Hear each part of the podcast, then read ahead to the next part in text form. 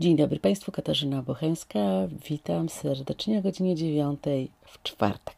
Proszę Państwa, mamy już naprawdę ostatni oddech kwietnia. Przed nami, no cóż, przed nami weekend. Przy czwartku czas więc wrzucić powoli na przysłowiowy luz. Zwalniamy tempo, tym bardziej, że jest obietnica, że chwilę odpoczniemy. Co dzisiaj w felietonie? Może zacznijmy najpierw od pytania zagadki. Co dla Państwa znaczy po Bożemu? Czy to czasem nie oznacza uczciwie, sprawiedliwie? Jakiś czas temu, za sprawą papieża Franciszka, mieliśmy do czynienia z tak zwaną aferą królikową. Rozpętała się awantura wówczas o to, ile dzieci i na jakich zasadach powinni mieć katolicy. Jedni twierdzili, że papież obraził rodziny wielodzietne, mówiąc, że katolicy nie powinni rozmnażać się jak króliki. Inni zaznaczali, że jego słowa wyrwano z kontekstu, a jeszcze inni doceniali pochwałę odpowiedzialnego rodzicielstwa.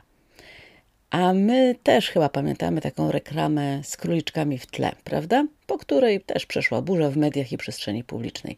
A teraz tuż obok nas, co oznacza po Bożemu? Internet obiegają co róż jakieś doniesienia o tym, jak to zaczynamy dzielić się na tych prokatolickich i tych bardziej, nazwę ich, wstrzemięźliwych religijnie.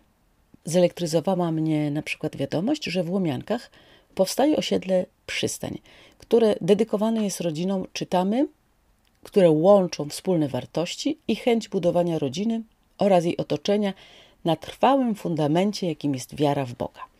Każdy z domów otrzyma swojego patrona, m.in. Matkę Teresę z Kalkuty, Jana Pawła II czy Ojca Pio, a w fundamenty każdego z budynków wmurowano cudowny medalik.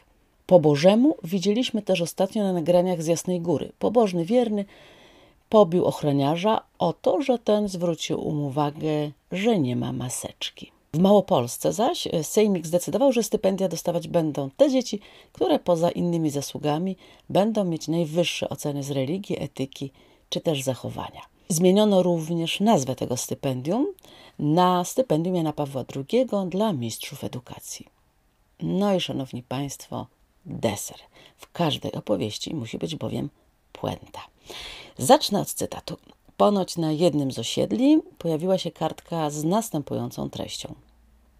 Halo sąsiadko, czy mogłabyś w przyszłości nie wywieszać swojej bielizny na balkonie? To jest chrześcijański blok, a nasz syn powinien dorastać bez takich pokus. Szanowni Państwo, pozostawiam bez komentarza, ale za to życzę Państwu słonecznego dnia.